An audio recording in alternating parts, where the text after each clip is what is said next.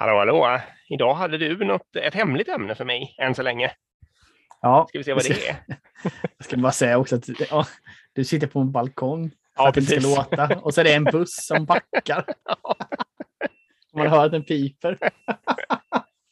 Men, men den slutar väl snart. Den kan inte backa hur länge som helst. Jo, nej, men jag tänkte prata om idag hur många rapporterande ska man ha till varje chef? Och då börjar vi på första nivån då. Liksom. Ehm, och då, då har jag funderat en del på Mm. vad, vad beror det på? Liksom? Beror det på ehm, typ av jobb och alltså allt sånt där? Då, va? Men så, du får hänga med mig. Jag gör min analys först så får du hoppa in Ja, och se kör, vad du kör. tycker. Mm. Superintressant. ju. Jag tror egentligen så här att om man skulle ha, för det här beror ju helt på kontext och såklart vad man jobbar med, men nu jobbar vi inom IT då liksom. Och då, då skulle jag säga att fem, det klassas nog som väldigt lite egentligen. Alltså att man har då fem stycken, vad det nu är, systemutvecklare, designers, eh, projektledare, vad det nu är. Ja, jag, Ehm. jag håller med.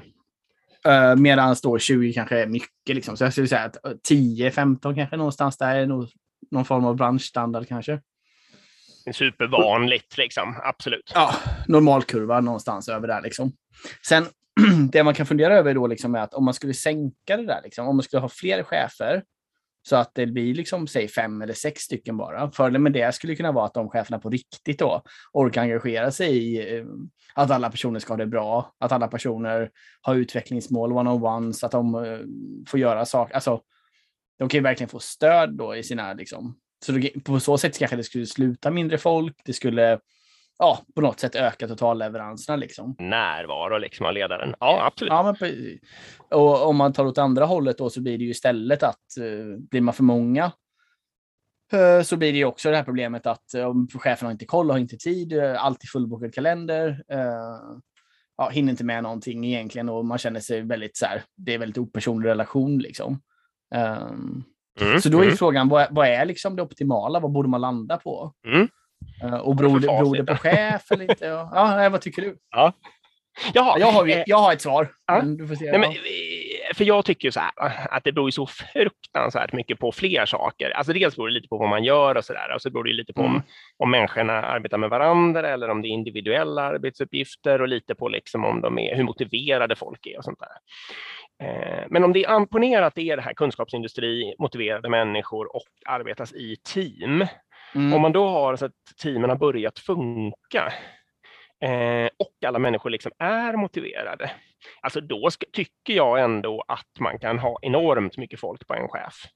Mm. Det är liksom, man, man kan skapa en sån kultur där det inte är chefen som ska hålla på och fixa allt det där, Mm. att engagera sig och finnas tillgänglig, utan det finns autonomi och människor kan ta egna beslut och lösa saker tillsammans och prata om Mm. sin egen utveckling med varandra.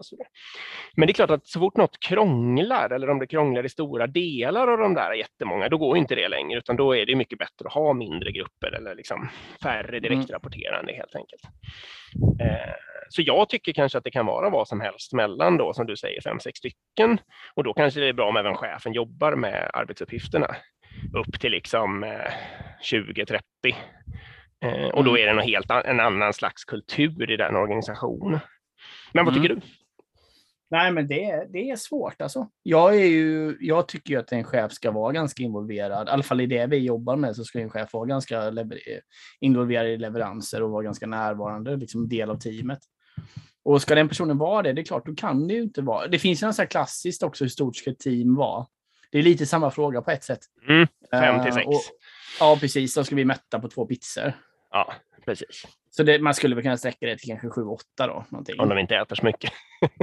Ja, precis. Nej, men där, jag, jag tror egentligen, jag, jag tror, eh, det beror ju såklart på kultur och allt som du säger.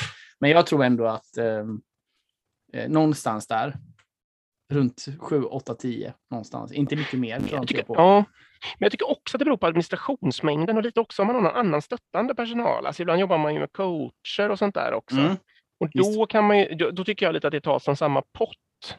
Så har Mm. man ett gäng på 15 pers och en är coach, liksom, och man kanske till och med har någon administratör, Eller teamleader eller något sånt där. exakt. Mm. då kan ju chefen helt plötsligt ha fler. Ja.